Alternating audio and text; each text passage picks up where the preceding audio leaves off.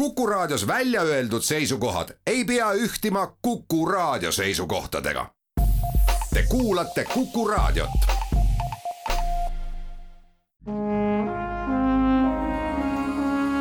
Vanemuise veerand. tere kõigile teile, head Kuku raadio kuulajad. toogu alanud aasta meile rõõmu ja rahu. mina olen saatejuht Tiiu Rööp, mul on hea meel, et selle aasta esimeses saates on kaks külalist. tere, Katrin Pärn. tere. Tere, Janek Saalainen. tervist, head uut aastat. head uut aastat. me räägime uuest lavastusest, mille esietendus on kümnendal jaanuaril Vanemuise teatri väikeses majas. esietendub Sergei Prokofjevi muusikaline muinasjutt Peeter ja hunt. ma nüüd veidikene liialdan, aga kas ei ole mitte tegemist geniaalse õppevahendiga? ja ilmselt ongi, et äh, see on ju spetsiaalselt kirjutatud selleks, et äh, tutvustada lastele muusikainstrumente ja siis õpetada ka neid kuulama nii-öelda muusikat. ja eristama erinevaid äh, pille ja teemasid.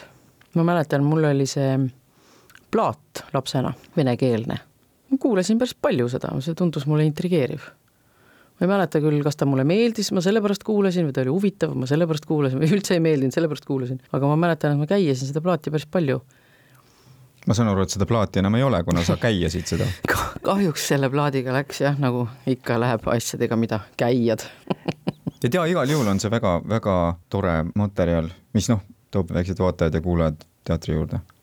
Janek, sinu jaoks ei ole see esimene kord Peetrit ja hunti lavastada? kaks tuhat seitseteist jah, tegime sellist noh, väiksema koosseisuga, meil oli seal siis äh, puhkpilli kvintett, ja siis äh, mina ja Aivar samamoodi, siis me tegime kahekesi seda tükki. no jutustaja oli tookord Jüri Aarma. jah, see materjal äh, tabas mind äh, mõni aeg tagasi, aga kuidagi bumerangina on see saabunud uuesti meie õuele Peeter ja hunt on teos, mida on väga palju esitatud, on plaadistatud, on animafilmi selle põhjal mitu sündinud ja on täiesti hämmastav plejaad artiste, kes on seda plaadistanud võtame David Bowie, minu jaoks oli ka üllatus, et Alice Cooper on seda teinud, rääkimata sellest poliitilisest kooslusest, Bill Clinton ja, ja Gorbatšov oli vist. -hmm. ja nemad said ka muide selle plaadi eest Grammy kui parima lastele mõeldud plaadi eest. Sting ja Sharon Stone. see, see on väga pikk nimekiri. kui ühte teost on nii palju erineval moel tehtud, kas see teile kui lavastajatele annab ka väikese sellise lisapinge, et nüüd tuleks midagi muud välja pakkuda, midagi uut? Midagi erilist? noh, esiteks vist see visuaal ongi praegu küllaltki eriline, mis siis meie nii-öelda pakume selle loo kõrvale. aga teine asi on just võib-olla isegi teistpidi, et kui mingi asi on noh, nii palju mängitud nagu nii suureks klassikaks saanud, võib-olla on just hea püsida nendes raamides, vaadata, kuidas meil endil see raamides püsimine välja tuleb. ja on lootust raamidesse jääda? kindlasti varjuteater on see märksõna mis märgib teie lavastust? ei, kinnita ei lükka ümber kui tuli põlema pannakse, küll siis näeb. jah pean teile meelde tuletama, et me tegelikult viibime raadios praegu.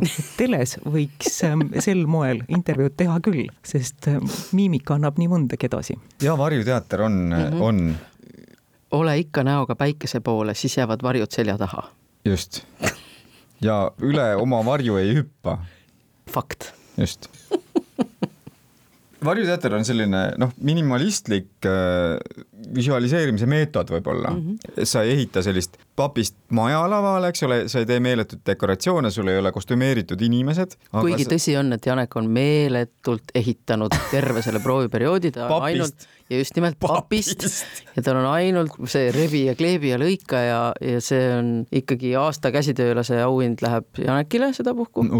jah aga meil ei ole täismõõdus äh, dekoratsiooni. täismõõdus küll et, ei ole ühtegi asja. et äh, ja see ongi põnev tegelikult, et seal Sirmi või, või selle, selle ekraani taga tegelikult toimub mingi õudne selline mahineerimine ja, ja, ja, ja liig, liigutamine ja, ja no, ja metsik möll, ütleme. aga see, mis seal ekraanil paistab, see on noh, täiesti selline, et tegelased ja, ja mingi maastik tekib ja, ja uus mingi keskkond ja, ja jälle mm. uued tegelased ja, et see on selline noh ma loodan, et rahulikult jälgitav selline. no minimalistlik küllaltki jah ja.. just. arvestades, et jah, missugune hull jaskar seal teisel pool ekraani käib. ja sama asi, et kui see pilt on on minimalistlik, siis see võiks jälle omakorda anda sellele noh, kujutlusvõimele nagu suurema võimaluse mm. -hmm. et me anname selle suuna nii-öelda kätte, aga ei ei värvi kõiki kohti ära, et edasi mõelge ise, kuidas need asjad võiksid välja näha. ja noh, ja varjuteater ju, ju kui selline, et, et sa saad noh, sa saad ka noh, see on ju niivõrd, et paned tule põlema ja juba sa, sul on koer, eks ole mm., olemas. et äh, selline asi, mida, mida tegelikult sa noh, saad ise teha kodus või noh, et lased, lased lihtsalt fantaasia lendu, et, et see on lihtsalt ka võib-olla selles mõttes hea, et lastele lihtsalt tutvustada seda, mitte varjude ma-, riiki, aga noh. varjude mäng, sellest täiskuu kumas. just, just, just selleni ma tahtsin jõuda.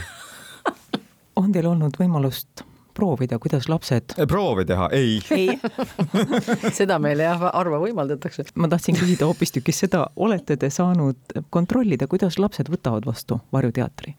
hästi, sest põhimõtteliselt on ju ikkagi justkui tegu Liikuv ekraan, jah, ekraani peal liikuva multikaga ju kui niimoodi nüüd ikkagi eluüleselt mõelda. meil vahepeal oli plaan, et võtaks kõik videosse ja saaks ise lihtsalt pöidlalt keerutada seal sirmi taga.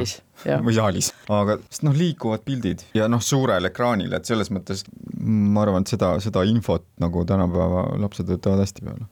ma arvan ka, tegemist on ju selles mõttes ikkagi sellise minimalistliku, aga siiski sellise ekraani peal toimuva justkui multfilmiga, mida siis reaalajas esitavad inimesed keelvesti peal ekraani taga mm. -hmm. kes on need inimesed, kes on keelvestil ekraani taga selgitine? Äh, keelvestil on Aivar Kallaste, äh, Julia Kaškovskaja ja siis äh, Janek Savolainen ja sina, Katrin, oled? mina jutustaja. olen selles mõttes, jah, mul on selline tubane, puhas tubane töö, mina ei pea rabelema.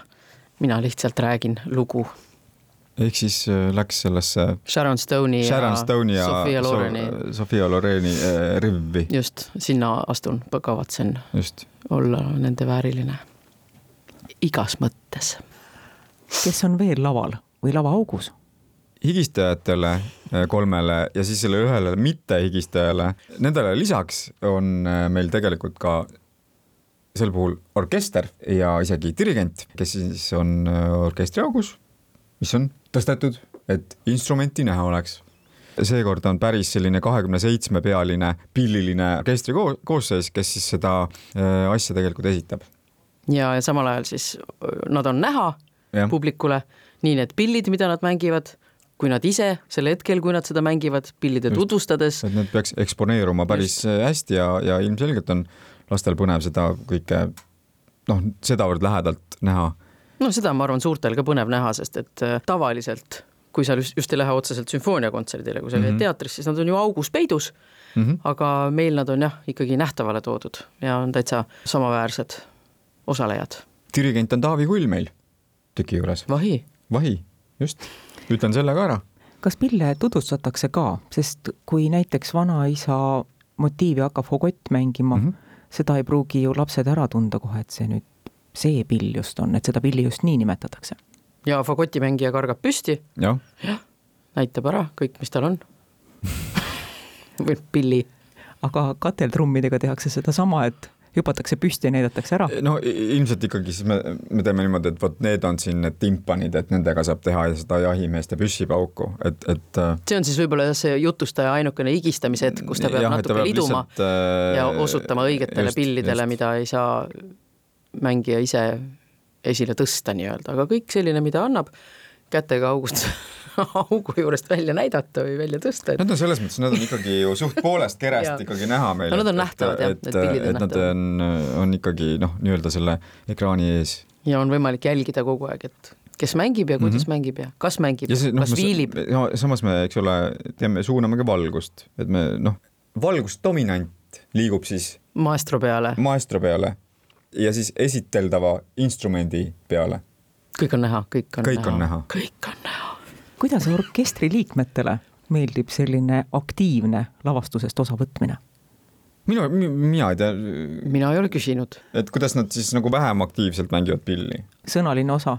laval ju ka lauldakse sekka, et selles mõttes ma arvan, neil ilmselt ei ole noh, võib-olla see, et nad peavad, eks ole, seda töövõimlemist vahepeal tegema, et, et ma tulen ja näitan rõõmsalt seda instrumenti, et, et noh, see on võib-olla uus. ja ka see, et nad tulevad, eks ole, ikkagi lavalt orkestriauku noh, ka teistmoodi, et nad ei hiili sinna alt ja siis on, hakkab lihtsalt muusikat kostma kuskilt.